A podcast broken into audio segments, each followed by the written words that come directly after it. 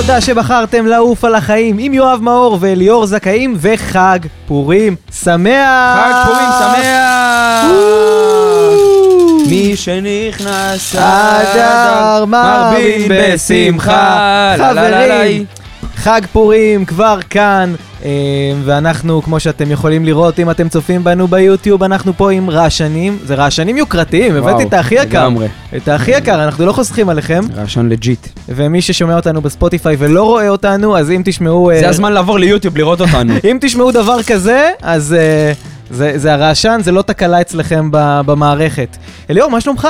אני נפלא, איך אתה יואב? שלומי מצוין. אה, אני אוהב את חג פורים. אני גם אוהב את חג מאוד פורים, אוהב את כולם חג פורים. שמחים, יש לו וכולם... מנות, ומתנות לאביונים, ואווירה. לגמרי. אתה אוכל אוזני המן פרג או אוזני המן אני שוקולד? אוהב אוזני המן חלבה. חלבה, יש כזה דבר? וואי, כזה תקשיב. אנחנו הולכים לאבד מנויים עכשיו. אוזני המן חלבה זה החיים. אין, אין על פרג. כן? מבחינתי פרג זה הדבר. ככה זה שאתה עובר את גיל 30, אתה מתחיל לאהוב אוזני המן בטעם וואי פרק. וואי, שלא נדע, אני אפילו מתחיל כזה, אפילו ופלים לימון אני מתחיל ליהנות. וואו. בעיה קשה. אליאור, נספר להם אה, על מה הפרק? אפשר, אפשר גם לא. מה שאתה רוצה. אני מציע שכן. יאללה, בוא נספר להם אז על הפרק. ברוח חג הפורים הממשמש ובא, אנחנו, ראית איך השתמשתי במונח יפה? הממשמש ובא. אנחנו כל פעם מלמדים אותם עוד מילה חדשה בלקסיקון. העברי. אנחנו הולכים להגיש לכם בפרק הזה את ספיישל פורים, מצעד התחפושות. כן, כן, מצעד התחפושות של עפים על החיים. אה, אנחנו הולכים לעשות פה מין מצעד כזה של עשרת התחפושות. אה, הכי, אה, אני לא אגיד הכי טובות, עשרת הדברים, התחפושות שאנחנו מגלים ושכולנו מכירים בחיים שלנו. מה הכוונה? דברים שנראים כמו משהו מסוים, אבל ו- בפועל, אבל בפועל, כשאנחנו מגלים מה הם באמת, אנחנו מבינים שזאת הייתה רק תחפושת. מהמם. בעצם מדובר פה בדברים שהם לא באמת מה שהם נראים בהתחלה.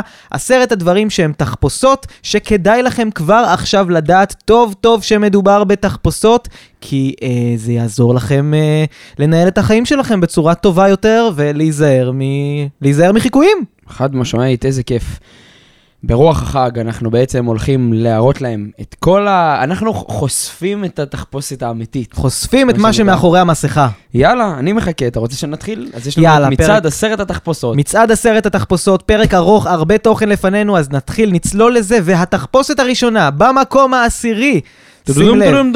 במקום העשירי, רגע, במקום העשירי... יפה, צריך את זה כל פרק. כן, אני חולה על זה. דגני בוקר שמתחפשים לארוחת בוקר בריאה. אוהב דגני בוקר? אני אוהב דגני קורנפלקס של בוקר. אלופים. אתה יודע, כולם יודעים שארוחת הבוקר זאת הארוחה הכי חשובה ביום, נכון? אה, לא יודע. אז זהו שממש לא נכון. עזוב שרוב המחקרים בכלל מוכיחים שהכי בריא זה לא לאכול בבוקר, אלא לחכות קצת זמן מרגע שקמים עד שמתחילים לאכול, עד שהגוף ככה מתעורר, עד שהוא יכול להתחיל לעכל בכלל את המזון, לקחת את הרכיבים שלו. איכשהו גרמו לנו להאמין שדגני בוקר זה משהו שבריא לאכול אותו, דגני בוקר. ובריא לאכול אותו בבוקר. עכשיו, אם אתה מסתכל על הרכיבים של הדבר הזה, חוץ מסוכר, חוץ מצבעי מאכל, חוץ מכל הזבל שבעולם, אין לך שם כלום. זה לא בריא. אין בזה באמת ויטמינים, אין בזה מינרלים, אין בזה שום דבר שמנסים להציג שיש בזה, וזה באמת אחת התרמיות הכי גדולות שעולם הפרסום הביא לחיים שלנו, כל הקטע הזה של דגני בוקר. אז חברים, אני ממליץ באופן כללי לא לאכול בבוקר בכלל. אבל אם כבר לאכול בבוקר, אז לאכול פרי, לאכול איזה לחם, פרוסה עם איזה משהו, לא לאכול דגני בוקר, זה סתם מתוק, זה סתם סוכר, וזה רק ישמין אתכם. אני, אחד הדברים שעשיתי בחיים שלי, ברגע שרק הפסקתי לאכול בבוקר, כבר ירדתי במשקל באופן משמעותי, פתאום הרגשתי שהחגורה פחות מתהדקת עליי. וזה מאוד מגרה, אתה יודע, אתה מגיע לסופר ואתה רואה מלא דברים צבעוניים כאלה, ויפים, וכל מיני חיות מחייכות כאלה. באמת מאוד מאוד קל. כן, גם יש לזה שמות מעניינים, שמות מעניינים. מטריקס, שטריקס, טריקס. אה, טריקס, אה, סיני מיני, אה, סיני וויני, מיני ביני. באמת, גם הכל נראה טעים באריזה. הכל נראה מה זה טעים, ואתה יודע משהו, הכל באמת טעים, אבל זה לא בריא. בכלל. באמת הכל טעים, כריות, וואי, איזה טעים. זה. כריות זה באמת הדבר הכי טעים שאני באמת, אני... אם עכשיו אומרים לי, כיסא חשמלי בעוד שעה, יש לך שעה עכשיו לאכול מה שאתה רוצה, סעודה אחרונה, כריות.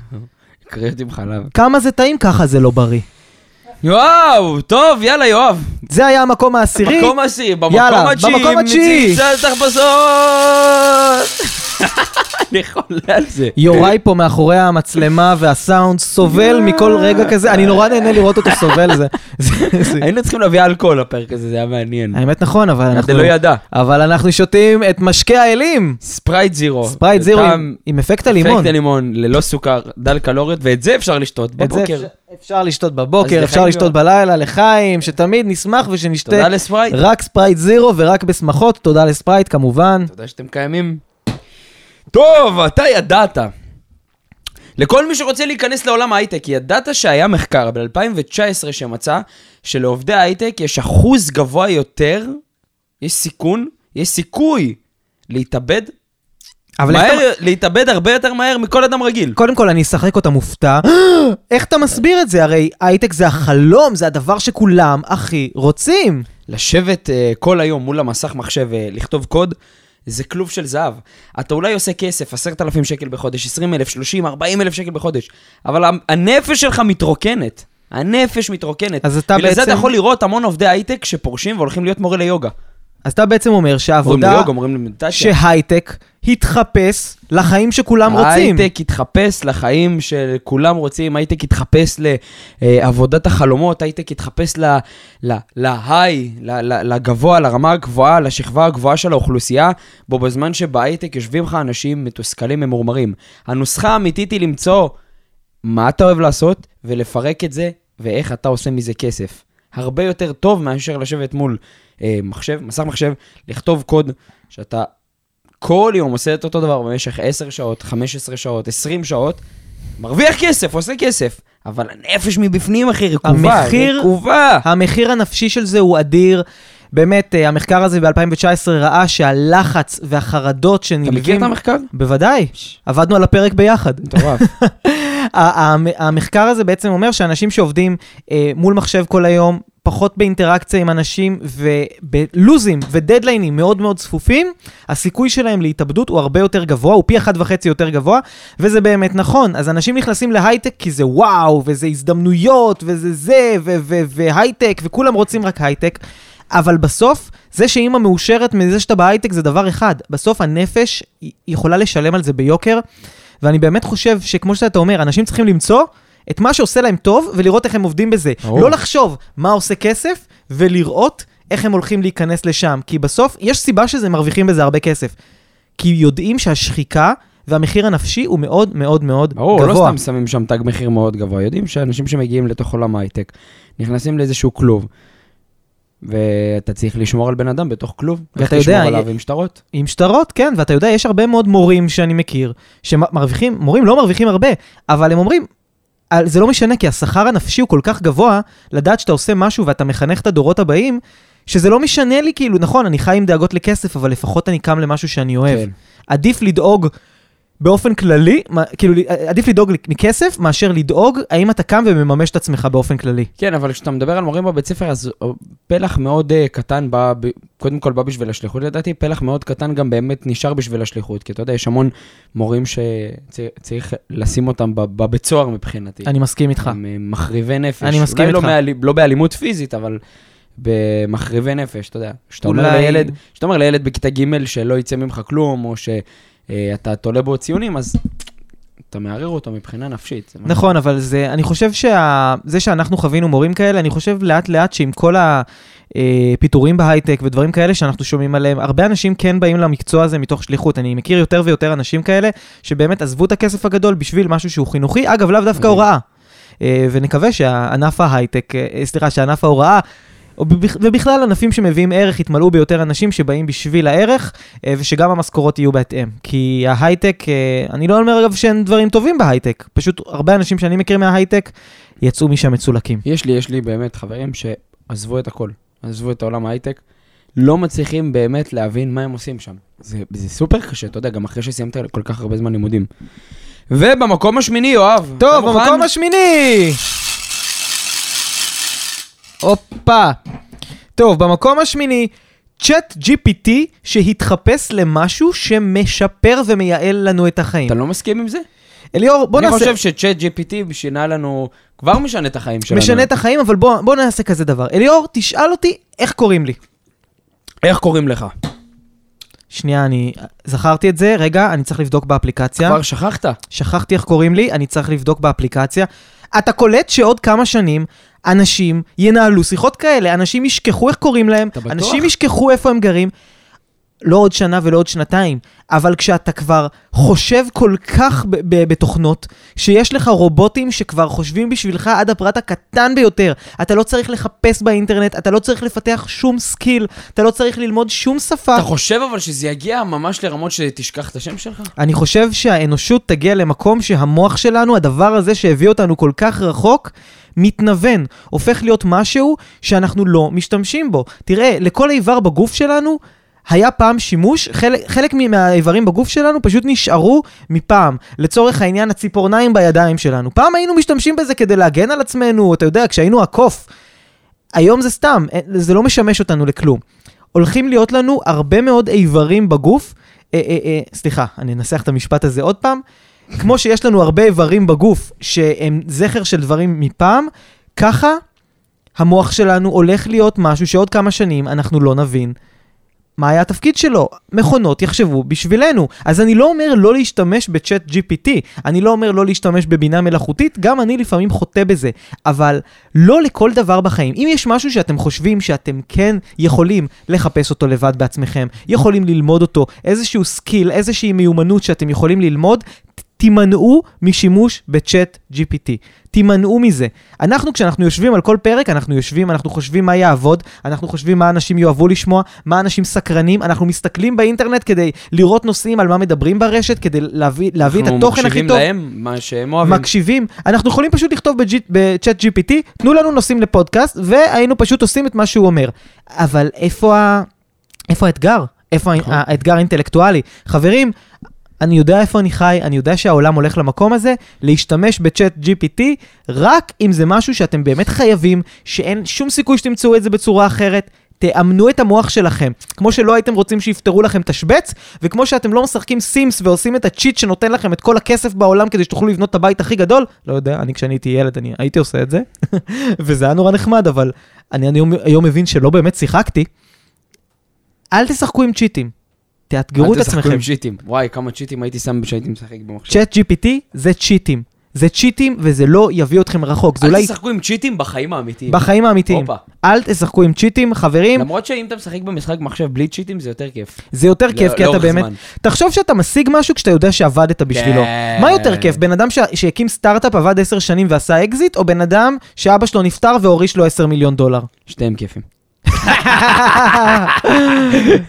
יאללה, חברים, נעבור למקום 7, אליאור. טוב, למקבל נשים בתחפושת, שזו הדרך הלגיטימית לנהל זוגיות רומנטית אישית בחיים. וואי, וואי, וואי, וואי, וואי. אתה מקבלת פעם? אה, אה, כן, אתה מקבלת. אני לא יכול לברוח מזה. כותרת בפנאי פלוס. אליאור זכאים, מקבלתי פעם. ומתי הבנת שהדבר אתה יודע הזה... מה נזכרתי ברעיון, שממש תחקרו אותנו ברעיון. מתי הרעיון יוצא? הוא אמור לצאת לדעתי לא בכל רגע. צריך יש מצב שאם הפרק הזה צריך עלה... לעבור אישור עורכי דין. כן, העורכי דין שלנו צריכים בהחלט לעבור על זה. אה, מי שלא אה, זוכר מפרק קודם, סיפרנו לכם שאנחנו עברנו ראיון לתקשורת, אה, ובאמת יצר... שאלו אותנו שאלות מאוד קשות, אנחנו די חוששים מהרגע שהראיון הזה יצא, אבל בסדר, אנחנו... אם אנחנו נראה שזה בסדר, אנחנו נשים אותו פה בקישור למטה, וניתן לכם לשמוע ולראות את הראיון. בינתיים, בוא ספר לנו, מתי כן. הבנת שלמקבל בין כמה מערכות יחסים, זה, זה, זה, זה תחפושת של מערכת יחסים, אבל זה בעצם משהו שהוא לא באמת טוב ותורם לך. תשמע, היה לי ממש דו-שיח עם עצמי. בא, בתקופה... הכי כיף זה. לדבר עם עצמך, כי אתה. מישהו שמבין אותך באמת. תשמע, אם אתה מדבר לעצמך, אתה הולך להיות בן אדם מאושר בחיים. למה? כי הבנת והתחברת לעצמך, ואתה אומר, טוב, אני יכול לספר לעצמי את כל האמת, ואני יכול גם לחרטט את עצמי, אבל אני יכול גם לפרוק לעצמי. יש לך כל כך הרבה דמויות עם עצמך, אתה מתחיל לאהוב את עצמך. אם בן אדם מתחיל לדבר עם עצמו, בוא, קודם כל הוא דבר ראשון משוגע, דבר שני הוא משוגע, אבל ב, הוא, הוא, הוא הולך להיות אתה מכיר את האנשים שהם משוגעים, אבל משוגעים טובים כאלה? אני מכיר אותך. כן, בדיוק, אני משוגע טוב. אז אם אתה יודע לדבר עם עצמך, סימן שניצחת את החיים, אתה בדרך ל- אתה לעולם לא לאושר. תהיה לבד. וואו! חד משמעית, אם אתה יודע לדבר עם עצמך, סימן שאתה לא הולך להיות לבד כל החיים. הדבר שהכי מפחיד אותנו כבני אדם בסוף, זה להיות לא אהובים ולהישאר לבד. אז, אז אבל אם בהמשך- אתה לומד לאהוב את עצמך ולדבר עם עצמך ולבדר משמעית. את עצמך, אתה לעולם לא תהיה לבד. חד משמעית. תמיד יהיה לך את עצמך. טוב, מקבול נשים, בוא. אז, אז היה לי דו-שיח עם עצמי. ואז הגעתי למצב, תשמע, אני ממש הייתי ב... בתעתועי נפש, ואמרתי, אחי, אתה ממקבל נשים, אחי, אתה ממקבל נשים. הם יד- אתה לא ידעו. מדבר, אתה מדבר עם זאתי, ועם זאתי, ועם זאתי, ועם זאתי. אחי, אתה לא גבר. מסיבה נורא פשוטה, אתה, קודם כל, אתה בסוף נשאר ריקני. אתה כולך נשאר ריק בסוף. כל מה שעשית, כל מה שדיברת, כל האנרגיה, אתה נשאר ריק. זה דבר ראשון. דבר שני, אתה לא מתמסר לכלום. דבר שלישי, אתה נשאר, עזוב, עזוב את האנרגיה, עזוב את הכסף. כשאתה, כשאתה ממקבל כל כך הרבה נשים, אתה, אתה לא גברי בכלל. אתה מוציא את עצמך הרבה יותר קטן, ובסוף אתה נשאר גם לבד. וזה תחפושת, אתה יודע, בזמן האחרון, כאילו, וואו, יצאתי עם זאתי ודיברתי עם זאתי וזה.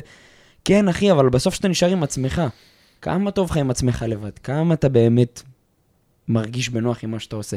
כמה אתה באמת חוזר הביתה, לבית של ההורים, לבית של עצמך, ובאמת, טוב לך עם עצמך. אתה לא גבר באמת. אתה, אתה, אתה הורס לעצמך, כי אתה נשאר כל כך בתוך הבועה של עצמך.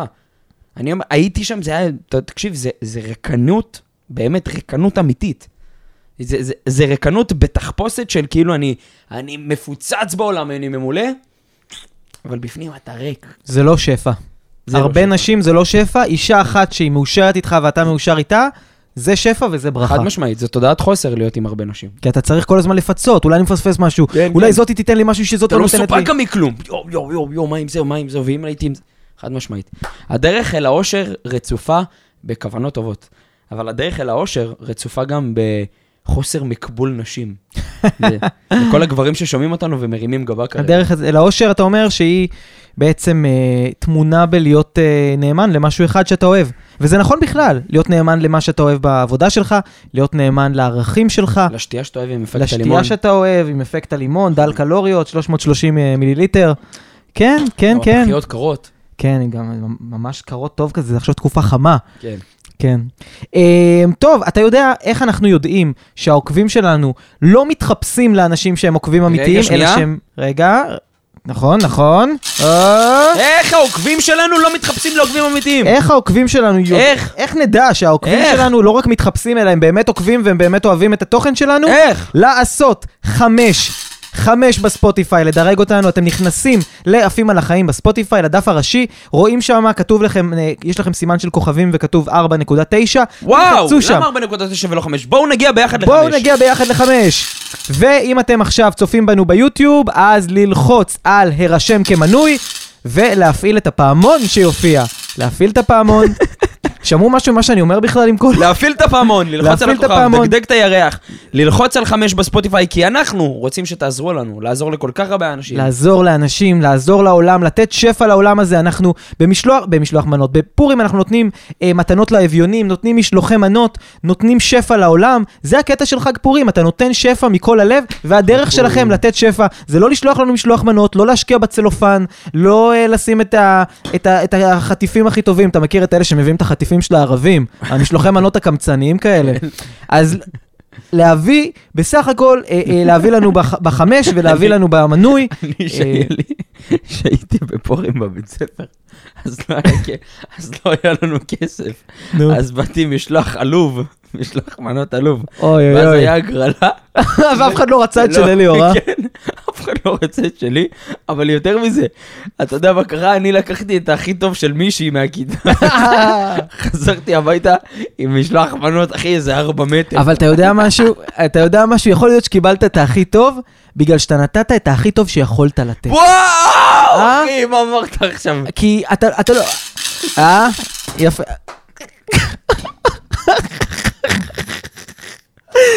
אוקיי, זו הסיבה שאתם חייבים לצפות בנו, שאתם חייבים לצפות בנו ביוטיוב. אליאור פשוט הפיל פה את הספרייט באופן מושלם. יוראי, אתה יכול להת- להתקרב עם המצלמה שהם יראו, יראו איך זה נפל, איך זה נפל בצורה. מושלמת על... אם לא בפורים אז מתי כן? אם לא בפורים אז מתי כן? יוני בן. טוב, נעשה הפסקה קטנה ונעבור למקום השישי. רגע, הנה יוראי מסדר פה את ה... וואו, איזה כיף שאתה חלק מאיתנו. הפריים נראה טוב? אבל זה נפל מושלם, זה נפל בדיוק כמו- כמו האתגרים של הטיקטוק, של לזרוק את הבקבוק כזה ולראות שהוא זה נפל. פרק אותנטי. יואו, זה פשוט, זה היה אחד החלקים, אני שם, אני שם את זה בטיקטוק שלי, את החלק הזה. כן. נעשה collab. כאילו, וואו. אוקיי, הפריים נראה בסדר, אנחנו טובים, אנחנו יפים. רוא- רואים שאני מטר תשעים עיניים כחולות. יאללה. חברים, מקום שישי להיזהר על הספרייט. שישפך. הופה. תשמע איך זה נפל, אני... ב- במקום השישי, העיר תל אביב שהתחפשה למקום שכולם חייבים לגור בו. וואו, כמה עכשיו שונאים אותך. אוי, אתה יודע, כולם חייבים לגור בתל אביב מתישהו בחיים שלהם, נכון? אין כן. מה לעשות, זה תל אביב, זה העיר כן. הגדולה, זה מסיבות, זה ברים, זה פלורנטין, זה זה, זה בחורות, זה עניינים. אתה העיר יודע עובדת. ש-90 אחוז מכל האנשים שאני מכיר שגרים בתל אביב, וכשאני שואל אותם, אז מה קורה, מה, איך בתל אביב? אומרים לי, תשמע, בינינו, לא שווה את הכסף, לא שווה את, את, כל ההייפ. 10% וואו. מתים על העיר. 90% כמה- שאני מכיר... כמה- כמה כנות הם צריכים, כמה כנים הם 10 צריכים להיות. אחוז, 10 אחוז מתים על העיר. 90 אחוז לא סובלים את תל אביב, אומרים לי, אני מת לעוף מפה. איך אתה מסביר את זה שמתים לעוף משם, ועדיין אומרים שזה המקום הכי מדהים, ושכולם חייבים לגור שם? איך אתה מסביר את זה שכשאני גרתי בתל אביב, חוץ מפשוט לשלם המון כסף ולראות איך אני לחוץ מכסף וחי בלחץ היסטרי, איך אתה מסביר את זה ש- שחוץ מזה לא הרווחתי שום דבר טוב? איך אתה מסביר את זה? לא היה לא היה לך תקופה שם טובה? ש... התקופה הכי טובה בחיים שלי זה שעזבתי את תל אביב לכפר סבא. וואו. כן, והייתה עכשיו גם, גיליתם איפה יואב גר. והייתה גם תקופה שגרתי בנתניה, גם מקום מדהים, ים לא פחות יפה מזה של תל אביב, אחלה ים, באמת. קצת אתה שומע קצת יותר צרפתית, כן, אבל באמת, אני חושב.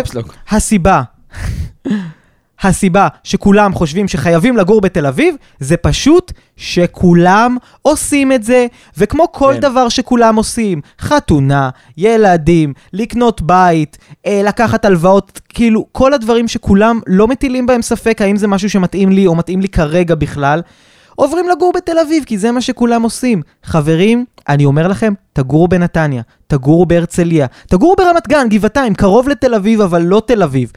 אתם לא חייבים סתם לשלם, אני הסתכלתי עכשיו ביד 2, לראות קצת דירות בתל אביב, הכי זול שתצא זה איזה 3,000 שקל על, על חדר עם עוד ארבעה שותפים. יואו. אנשים בשביל לגור במקום הזה מוכנים להשתעבד, באמת חרם. אם אתם חושבים לעבור לגור בתל אביב, נסו קודם רמת גן, נסו קודם גבעתיים, נסו דברים קרובים שהם לא תל אביב, אני מבטיח לכם שאתם תחזרו לפרק הזה ותגיבו פה, יואב, תודה, הצלת לי את החיים. יאללה. אל תגורו בכוח בתל אביב. מקום חמישי! רגע? רגע, רגע, רגע, רגע. במקום החמישי. באתי לקחת שלוק, אז שנייה. ספרייט אינפקט הלימון שנשאר לך. מקום חמישי, חברים! מקום חמישי במצעד התחפושות של עפים על החיים.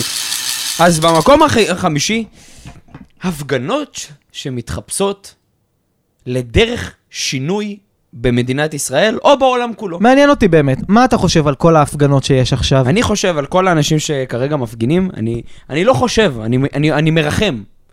אני מרחם עליהם מסיבה נורא פשוטה.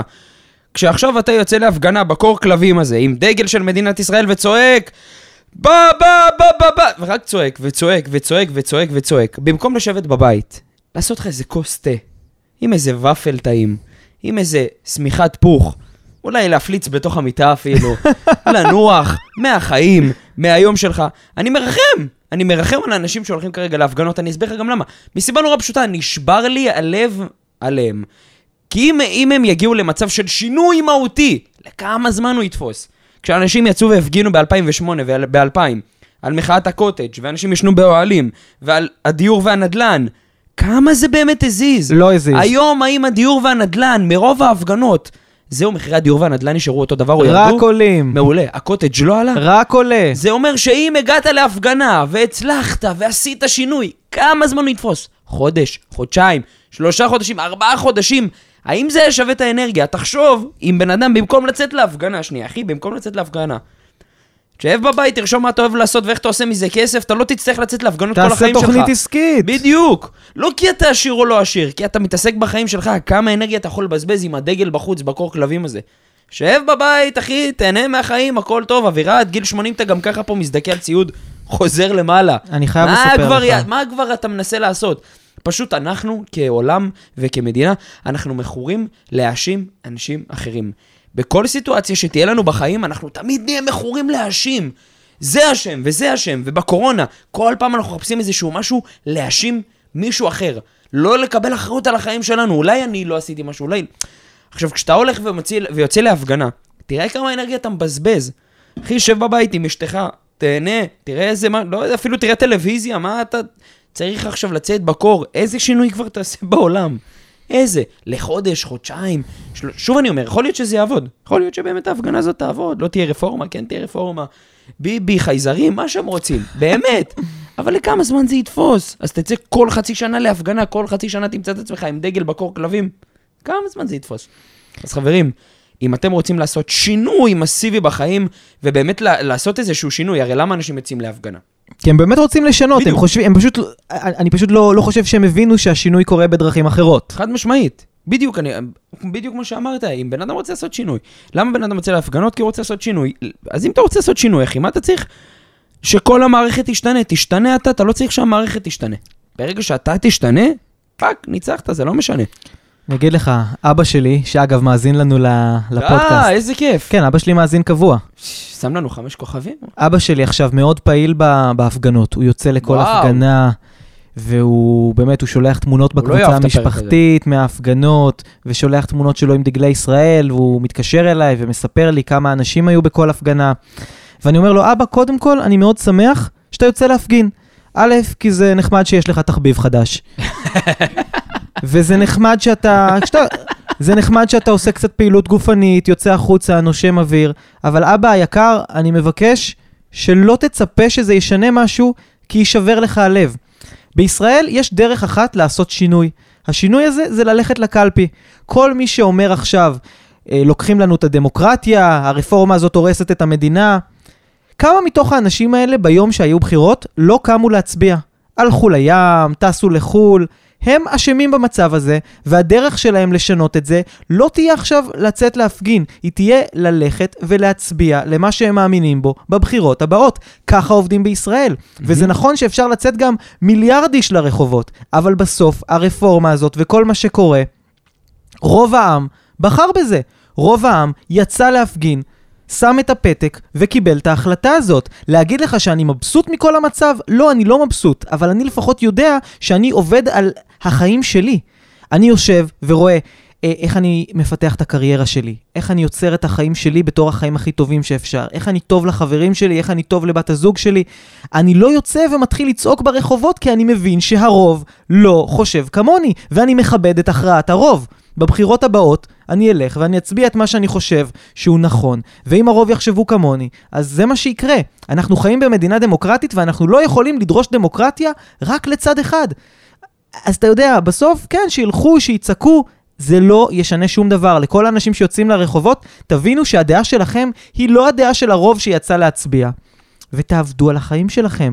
תסתכלו כמה אתם מוציאים בחודש, תצמצמו הוצאות, תגדילו הכנסות, תפתחו עסק, תראו מה עושה לכם טוב בחיים. תבנו את החיים שלכם להיות כל כך טובים, שזה לא ישנה לכם אם אה, אה, איזה שר יגיד משהו, או אם ביבי יעשה זה לא משהו. ישנה אף פעם. זה לא תמיד ישנה. יהיה מי שיגיד שם, גם, תמיד גם יהיה שם מישהו. בתוך הממשלה, בתוך... תמיד יש שם אנשים שיגידו, זה לא משנה.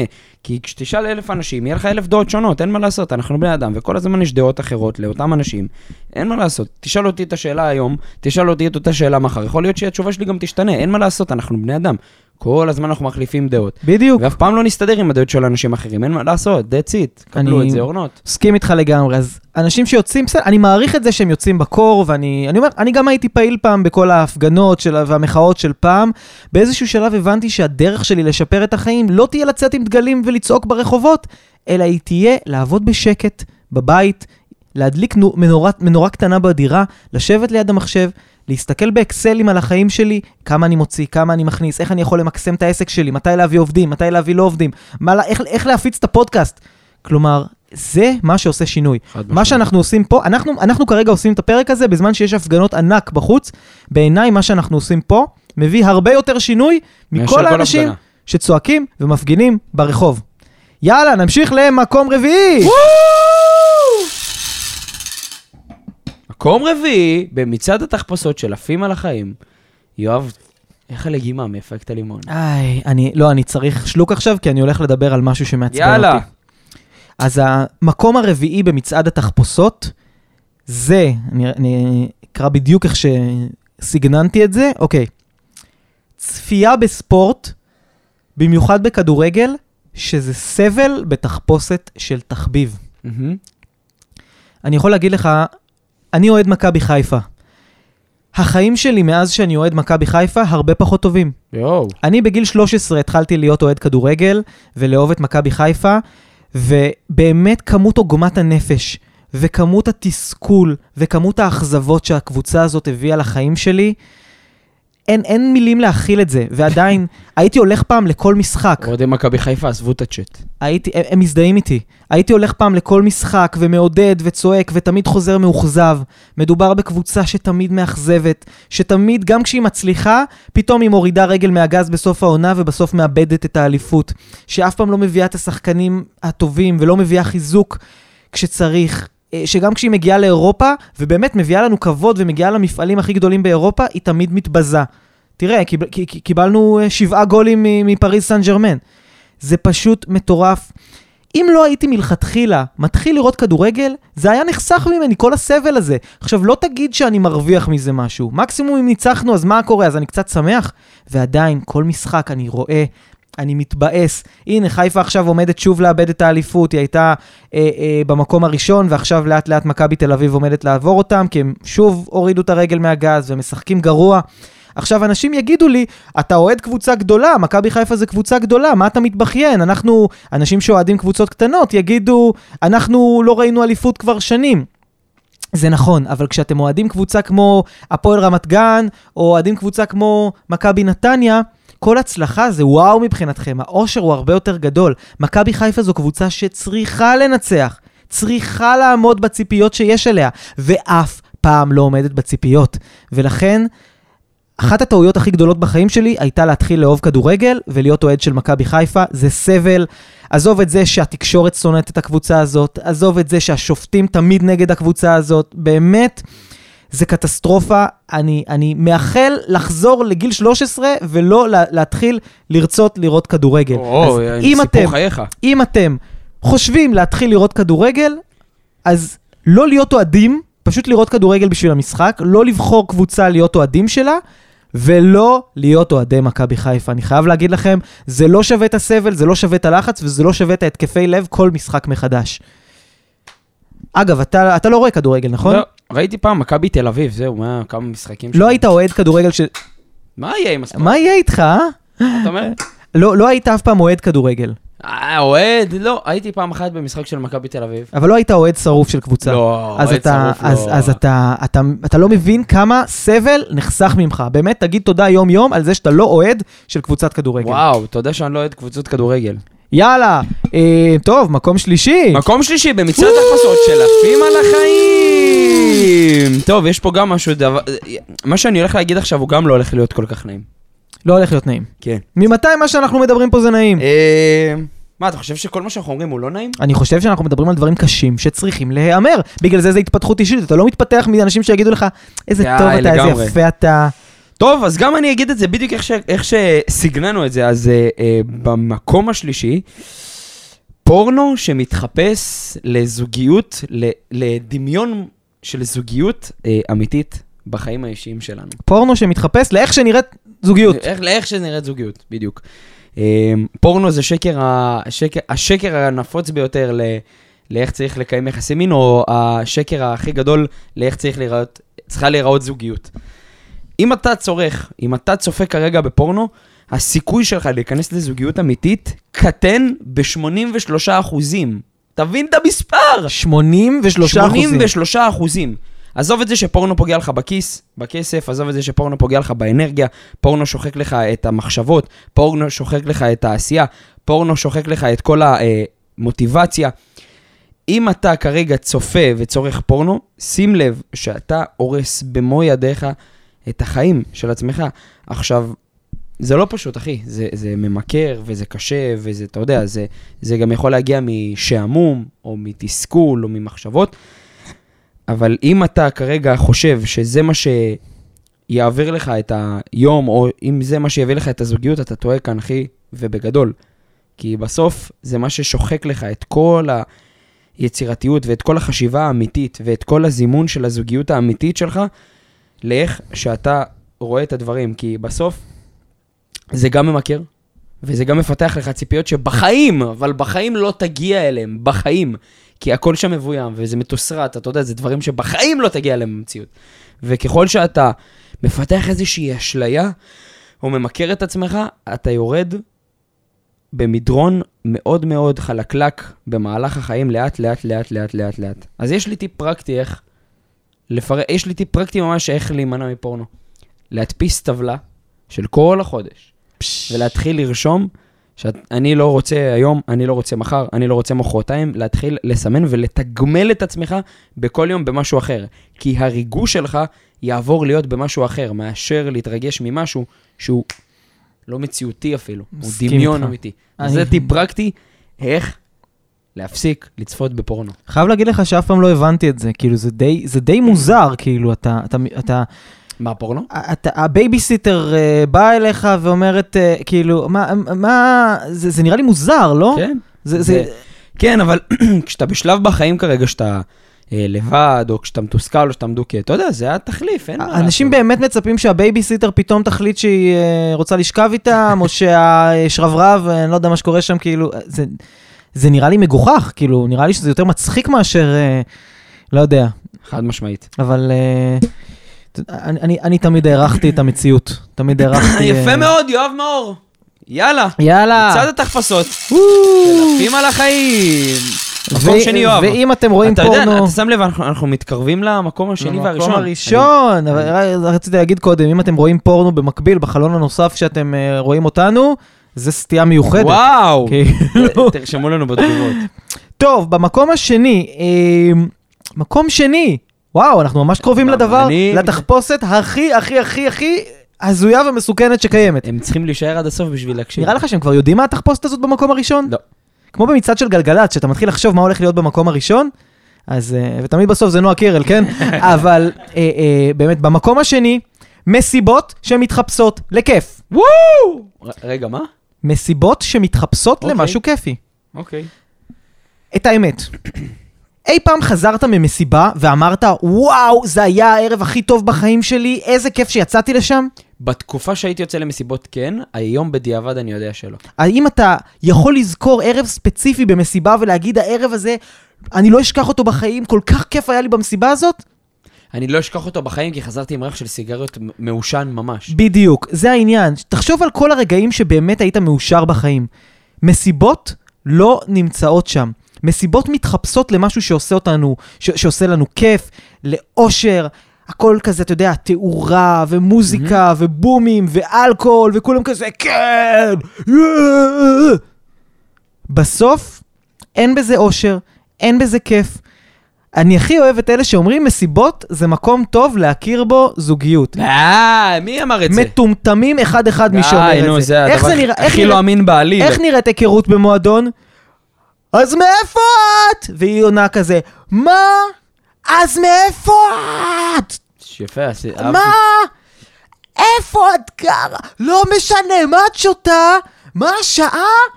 שמונה וחצי! כאילו, אתה מבין? זה, זה לא מקום לנהל בו אינטראקציה, לא מקום להכיר בו אנשים, לא באמת כיף כל הרעש הזה, אתה סתם חוזר עם ריח של סיגריות. זה משהו שאנשים עושים מתוך לחץ חברתי. אני מבטיח לך שאין שום דבר שבאמת תורם, שבאמת כיף ובאמת מהנה ברור. במסיבות. מה, היינו שם, אני, אתה יודע, אני, היה לי תקופה שעבדתי במסיבות. ממש, הייתי יחצן ומפיק. ואתה בטח ראית אנשים באים אחד-אחד עם מבט כבוי בעיניים, בציפייה שהערב הזה יהיה היום בו הם יכירו את אהבת איזה- חייהם. איזה תיאור דפקת פה עכשיו, חד משמעית. כי אני יודע, כן, כי גם נכון. אני הייתי הולך תקופות כל שבוע למסיבה, במועדונים, בתל אביב, בדיזינגוף, באלנבי, בזה, בפה, ברוטשילד. חד משמעית אה, מסכים אה. התדר, השמדר, הכל זה. חוזר, מבואס, מסתכל במראה ואומר, הייתי יכול בזמן הזה לעשות דברים כל כך יותר טובים עם החיים שלי, אני מסכים איתך. וכמובן שלא הכרתי אף אחת בשום שלב. אתה יודע, מועדון השלוותה בתל אביב, יש אה, גם מועדון השלוותה של חולי נפש. אה, לא, לא, לא רחוק אחד מהשני, אתה יודע, אז, אז ברגע שסיימת בנמל, אתה ישר יכול ללכת לחולה נפש. אחי, הייתי יוצא למסיבות, הייתי הולך חמישי, שישי, שבת צהריים, חושב אני חי מקסימום את החיים. תקשיב טוב, התקופה הכי שחורה שלי בחיים. אתה קודם כל חוזר מסריח מסיגריות, כל הגוף שלך מלא באלכוהול, אתה לא מפוקס, אתה ממורמר, אתה קם. ביום ראשון בבוקר שבור! שבור, אחי, שבור. שבור. אתה חושב שאתה מנהל את העולם, בו בזמן שאתה חי באיזה לופ. אחי, הרגשתי שאני חי בלופים. חיכיתי ליום חמישי, יאללה, לאן יוצאים? איך שוכחים את החיים שלי? לאן יוצאים? איזה הגדרה יפה, איך שוכחים את החיים איך? שלי. איך אני שוכח את החיים המסריחים שיש לי? איך, אחי? ולא הבנתי, למה אני רוצה לשכוח את החיים שלי? למה? למה? תראה אותנו, אחי, מוצאי שבת, אני שומע, אני מחכה שיבוא מחר. מח... מחכה מחר לדבר עם הצוות שלי, לפתוח בריף פורים, לעשות תחרויות, ליהנות, להשפיע על, על אנשים. כן. אחי, אתה- יודע, כן. זה, זה מטורף, אחי, אתה בורח מהחיים שלך, אחי, זה מטורף. זה מטורף שאתה מנסה לברוח מהחיים שלך באיזה מסיבה, אחי, באיזה דמיון. כן. אתה, אתה חי באשליה בתוך המוח שלא קיימת. בדיוק כמו פורנו. אתה חי באשליה שלא קיימת, אחי. אתה צריך רגע לפרט... אחי, ת, תבין רגע עם עצמך. האם אתה בן 20, 22, 23, 25, האם, האם, האם זה מה שאתה רוצה בחיים ביום חמישי, שישי, שבת? כל היום כאילו לאבד את עצמך? עכשיו אין רע בליהנות, לבלות, אבל, אבל האם אתה עושה את זה בשביל לשכוח מה אתה עושה ביום יום? האם, האם אתה עושה את זה בשביל לשכוח את השבוע המסריח שעברת? ואם יש לך שבוע מסריח שאהבת, שעברת, למה? אחי, היום ב-2023 אתה יכול לשנות הכל. אני אומר לך, יואב, הייתי יוצא חמישי, שישי בערב, שבת צהריים, לפני שהתחלתי לשמור שבת. שמע, הייתי ש- חוזר, שבור, שבור. שבור, קם ביום ראשון לעבודה, ו... מחכה ביום ראשון ליום חמישי כבר. ולא הבנתי למה אני שונא את החיים, אחי, לא נהנה בחיים. ופתאום כשאתה מתחיל לעשות משהו, כשאתה מתחיל לעשות משהו שאתה אוהב, אתה מקבל החלטה, בואנה, אני אומר לך, אני לא, לא רוצה לראות את המסיבות המגעילות אתה האלה. קולט איזה מטומטם רוצה היית לראות. בכל הזמן שבזבזת כן. על הדבר הזה. לגמרי, אחי, לגמרי. לא רוצה לראות את הדברים המגעילים האלה. אתה יודע, אני ואתה, מבחינה כלכלית יכולים לאפשר לעצמנו מה שאנחנו רוצים. יכולים לקנות מועדון. זה, בדיוק, וזה מדהים, לא מקטע של גאווה או משהו, זה מדהים שאנחנו, אתה יודע, זה לא מה שמרגש אותנו, אחי, מרגש אותנו לעשות פודקאסט. פודקאסט. כשהבנת את הבינה האמיתית של החיים, אתה אומר, יותר מעניין אותי להוציא כסף על לעזור לאנשים אחרים, מאשר על איזה כוס ב-50. מסכים איתך לגמרי. חברים, חברות, אם אתם הולכים וואו. למסיבות וכל- ולא מבינים למה אתם חוזרים הביתה ומרגישים ריקנות, עכשיו אתם יודעים. ואם אתם מרגישים ריקנות וחושבים שמה שימלא את החלל הזה זה ללכת למסיבה, אני כבר אומר לכם, אליאור אומר לכם, זה לא מה שימלא את החלל. אז חברים, חברות, אל תלכו למועדונים, אל תלכו למסיבות, וואו, לגמרי. תבנו את החיים שלכם ותעשו כסף בזמן הזה במקום. טוב, סליחה אה, שקטעתי אותך, אבל זה היה מדויק. זה. היה מדויק, זה היה מדויק לחלוטין. טוב, אתה רוצה שאנחנו נדבר על... במקום הראשון במצעד התחפושות של. עפים על החיים. שנייה, רגע, כן, מקום? ראשון, זה- כן. מרגש, אני אני לא יודע אם אני מוכן לזה. כן, אולי נשאיר אותם אם זה לפרק הבא? לא- אנחנו ניתן. להם את זה, ברור שניתן להם את זה, כמו, ש, כמו משלוח מנות טוב, ש, שאתה או, או, או, אוכל את כל החטיפים ואתה מחכה רק לשוקולד הטעים הזה כדי לשמור אותו לסיום. אבל אני רוצה שגם גם אתה תגיד משהו על ה- על התחפושת הזאת. הגזמת, בוודאי שאני אגיד. אז חברים, חברות, רגע, במקום הראשון, במצעד- במקום הראשון. במצעד. התחפושות, הדברים שאתם חושבים שהם משהו אחד, אבל אז מגלים שהם משהו אחר לגמרי ממה שחשבתם. מה יש לנו במקום הראשון? במקום הראשון. אז חברים יקרים, במקום הראשון. שייתנו. קודם כל, שייתנו קודם כל, אם הם לא עדיין עשו, במקרה פספסו את ההזדמנות הקודמת שהייתה להם. לעשות חמש בספוטיפיי, לעשות מנוי וללחוץ על הפעמון ביוטיוב ולהצטרף לקבוצת הוואטסאפ שלנו, הקישור נמצא בתיאור של הפרק, קבוצת הוואטסאפ שתיתן לכם קישור לפרקים תכף לפני sold out, כולם, לא? היא תכף נגמרת, נגמר המקום, כן? אה, קישור אה, אה, לקבוצת הוואטסאפ נמצא בתיאור של הפרק. בקבוצה אתם תקבלו גם הזמנות לאירועים שלנו ולמפגשים עם אליאור ואיתי, מפגשים סודיים שלא יפורסמו בשום מקום, גם קישורים לפרקים לפני כולם וגם. טיפים ומידע פרקטי וגם אתם והטבות. מקבלים החלטה איזה פרקים יהיו. בפודקאסט. ואתם, הכי חשוב, לוקחים חלק בלבחור יחד איתנו על מה נדבר בפרקים. ואז ככה תוכלו, במקום לשבת ולהפגין בחוץ, לצעוק, יואב וליאור לא עושים פרקים על מה שאני רוצה, תהיו חלק ממי שבאמת משפיע. חד משמעית. אז חברים, חברות, טוב, מקום ראשון, בוא תספר להם, יאללה. הם חיכו יפה, מי זה, מי מי זה, זה, מי זה זה, שבמקום מי זה? הראשון במצעד התחפושות של עפים על החיים. אז במצעד, במקום הראשון, במצעד התחפושות, יש לנו תחפושת שהיא תחפושת כלכלית. אנחנו אוהבים צ'יצ'ין צ'יצ'ינג וכסף וקופות חזיר. מה התחפושת הכלכלית הכי גדולה והכי מסוכנת שיש היום? הלוואה על מינוס שהיא פלסטר בתחפושת. לא כסף, שהיא פלסטר בתחפושת. אני אפילו אגיד לך כזה דבר, היא עוד יותר מינוס בתחפושת. וואו, לגמרי, חד משמעית. טוב, אתה רוצה לדבר על התחפושת או אני אדבר על אתה איש הכסף מבינינו, אני סתם לובש פה את החולצות היפות. אוקיי. 30% מאוכלוסיית מדינת ישראל שנמצאים במינוס, אחי, לוקחים הלוואה על המינוס, לסגור אותה. עכשיו, איפה פה השאלה? הגעת למינוס, אתה לא יודע להתנהל כלכלית נכון. קיבלת עוד כסף. מה הסיכוי שהוא יוציא אותך מהבור שנכנסת אליו ולא יכניס אותך לבור השני? אפס אחוז. בדיוק. סטטיסטית, כל הסיכויים הם לרעתך. אם הגעת למצב שיש לך מינוס, אחי, ואתה לא מצליח לסגור אותו, זה לא קשור לזה שתקבל עוד כסף. זה קשור למה שקורה לך עם זה שיש לך כרגע כסף שאתה לא יודע לנהל אותו. אם אני כרגע נמצא בזוגיות כלשהי, ואני לא מתפקד טוב בזוגיות, הזוגיות הבאה שתבוא לי לא תהיה טובה יותר או לא אם אני לא אשתפר. אותו דבר בכסף, אם אני לא טוב עם כסף, אם אני מרגיש שאני לא יודע לנהל את הכסף, שהוא בורח לי מהידיים, שאני חי ממשכורת למשכורת, שאני חי מחודש לחודש, לא משנה כמה כסף יהיה לי, לא משנה אם אני במינוס ואני אקח הלוואה, הסיכוי שלי להתאושש מזה ולצאת מזה לחיים חדשים, לרווחה כלכלית, לחופש כלכלי, הוא אפסי. משמע אומר שברגע שיש לכם כרגע מינוס, אם אתם כרגע נמצאים באיזשהו לופ כלכלי מתמשך, עצרו הכל, הכל, הכל, הכל, אתם לא צריכים עוד כסף. אתם צריכים להבין לאן הכסף שהיה עד עכשיו נעלם, איפה אתם נופלים בטעויות שלכם, לבנות תוכנית מסודרת ולצאת לחיים חדשים. אתם לא צריכים עוד כסף, אני מתחייב לכם. בתור אחד שראה חמש, מעל 500 זוגות, אתם לא צריכים עוד כסף, 500 זוגות, 3,000 איש בסדנאות, אתם לא צריכים עוד כסף בשביל לצאת מהמינוס. אתם צריכים לדעת איך לנהל את הכסף שקיים, או שהיה קיים, ולא את הכסף העתידי שלכם. זה התחפושת הגדולה ביותר, ושתדע לך, זו התחפושת הגדולה ביותר במדינת ישראל. אבל גם בעולם. בעולם. בעולם. חד משמעית. אנשים חושבים שאם יהיה להם כרגע איזשהו מינוס כלשהו, זה מה ש... זה לא הדבר, זה בדיוק פלסטר. כסף במתנה.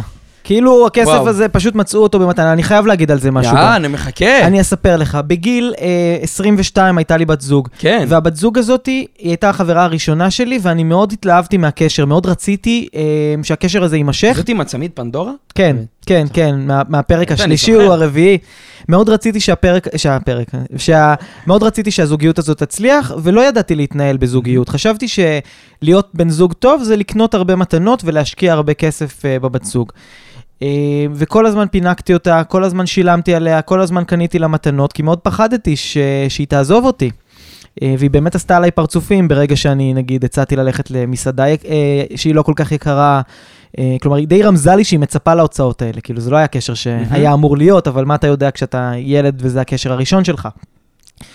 אני זוכר שיום אחד בבוקר התעוררתי משיחת טלפון, יואב, מה, מה קורה? אין כל כך uh, כסף בחשבון. זה היה דני, דני צור מבנק פועלים.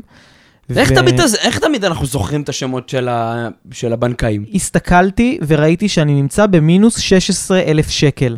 זה היה הרגע שהבנתי בו שהחיים שלי לא הולכים במקום הנכון, לא הולכים במסלול הנכון.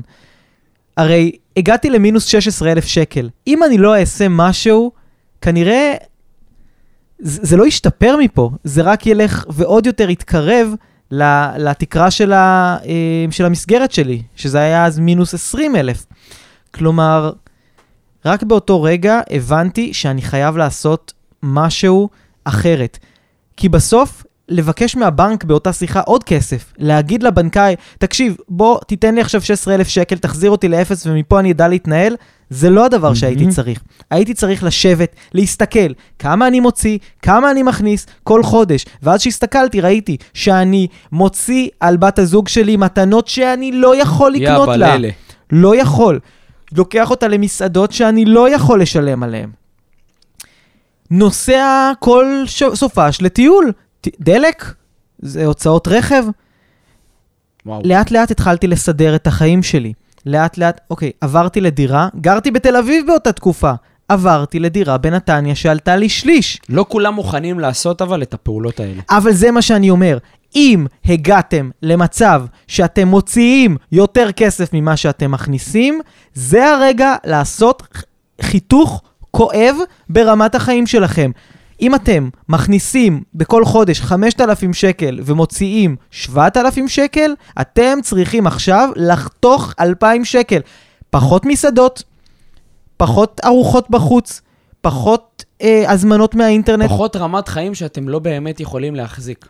לחזור להורים, ההורים לא רוצים לק... לקבל אתכם, תגורו ברחוב מצידי. עדיף לגור ברחוב ולהיות בפלוס, מאשר לגור בדירה שאתם לא יכולים להחזיק ולהיות במינוס. ואני אגיד לכם משהו, זה בדיוק השקר, אחי, זה התחפושת. ואתם שקרנים, כי אתם יודעים למה אתם שקרנים? בגלל שאתם גרים בתל אביב, או גרים בגבעתיים, שאתם יכולים עכשיו לקחת יחידת דיור בחיפה. אתם יכולים. אגב, אחלה מקום, מאוד זול, אחלה חיי חברה, אחלה ים. ברים, אחלה יציאות, אחלה ים. אתם יכולים לעשות את זה, אבל אתם לא רוצים, בגלל שאתם שקרנים, בגלל שאתם לא באמת מסתכלים על החיים שלכם ואתם מפונקים. אם אתם במינוס, אתם מפונקים, אין מילה אחרת, כי בשנת 2023 אין שום סיבה שתהיו במינוס. שום סיבה. שום סיבה. נולד לכם ילד, תעברו לגור במקום אחר. אה, אה, נולד לך, לא יודע מה, החתולה שלכם המליטה, תמסרו אותם לאימוץ. אין, אין תירוצים. אין סיבה אחת בעולם הזה להיות במינוס. וכל מי שבמינוס ואומר לי, לא, יש סיבות, יש עניינים, אל תשפוט אנשים, אני שופט. אני שופט. אם אתם במינוס, סימן שאתם לא מתנהלים נכון ואתם מפונקים. אם אתם תסתכלו על החיים שלכם, אתם תראו שאתם יכולים לעשות את השינוי הזה. כי אם אני עברתי ממגדל יוקרה בתל אביב, עברתי ליחידת דיור קטנה, אוקיי? אז כולם יכולים חד לעשות את זה. משמעית, אחי. כולנו עברנו גם דברים בחיים שוואלה, אתה יודע, אתה צריך להראות מרמת המחיה שלך בשביל להעלות אותה, אין מה לעשות. כל ירידה היא לצורך עלייה. אם בן אדם חי בסרט שהוא יכול לאכול את כל העולם ולא לקבל סטירה על החיים שלו, אתה יודע כמה אנשים מגיעים אליי, אחי? אומרים לי, תקשיב, הכסף בורח לי מהידיים. אני לא יודע לנהל את הכסף שלי, תעזור לי.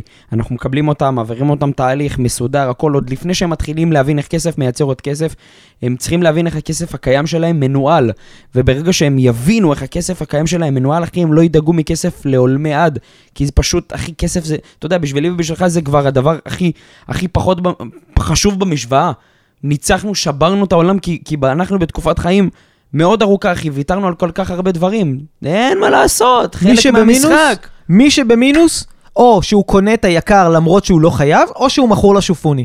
כן, חד וסימן, משמעית. אם, אם יש לך כסף אחרון, תשקיע אותו על עצמך לייעוץ כלכלי. תלמד ותצא מהבור הזה. מהסדנה של אליאור. לא, לא, לא. ממליץ מאוד, אני ראיתי את הסדנה שלו, אני חייב להגיד, באמת בפרגון מלא, ללמוד מאלף עד תף את כל עולם ה- מה זה מניות, מה זה השקעות, באמת. חושב שמי שאין לו את הידע הזה ואין לו במשפחה אנשים שילמדו, אז... יש לנו מוצר חדש עכשיו, לפני ההשקעות. מה? אנחנו עכשיו אה, פתחנו תהליך אה, של שלושה עד שישה חודשים אישיים, תהליך אישי VIP, עם יועץ כלכלי צמוד, עם חמישה עד עשרה מפגשים, על כל עניין הכסף, התקציב, ההוצאות, ההכנסות, כל בן אדם שנמצא בלופ. אתה נכנס. להם לקישקע אה, של הכסף. תקשיב טוב, זו תוכנית שאני יודע שכל מי שיגיע אליה, ואני שם את השם שלי על זה, יצא לחיים פיננסיים אחרים. יש לכם כלים כמו של אליאור, שמוציאים אתכם לחיים פיננסיים אחרים, עזבו את אליאור אבל, מה, אני כן. חייב לו משהו. חפשו עכשיו ייעוץ כלכלי בגוגל, קחו מישהו אחר, משמעית, תכתבו ייעוץ. ייעוץ כלכלי שהוא לא אליאור, תשאלו את צ'אט חד GPT, הוא ייתן לכם, משמעית. העיקר תשקיעו את הכסף הזה חד.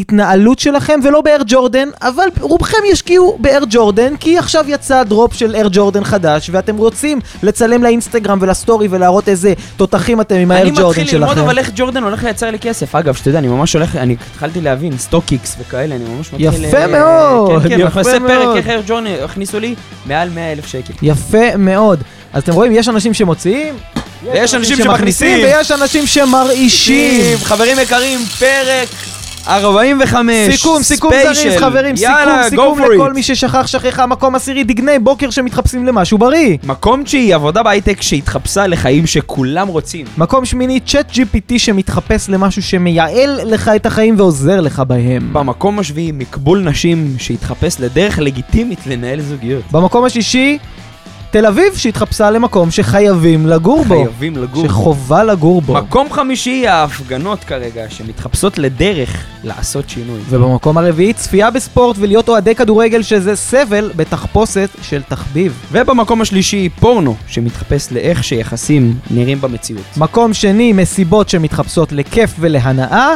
ובמקום הראשון, הלוואה על מינוס שהיא מינוס עוד בתחפושת. מינוס בתחפושת. אז- מינוס בתחפושת, חברים. תודה איזה שהייתם כיף! איתנו, תודה. איזה כיף. חג פורים שמח, תתחפשו. תהנו, ושיהיה תצאו. לכם חג פורים שמח, ופשוט תעופו על החיים. וואו!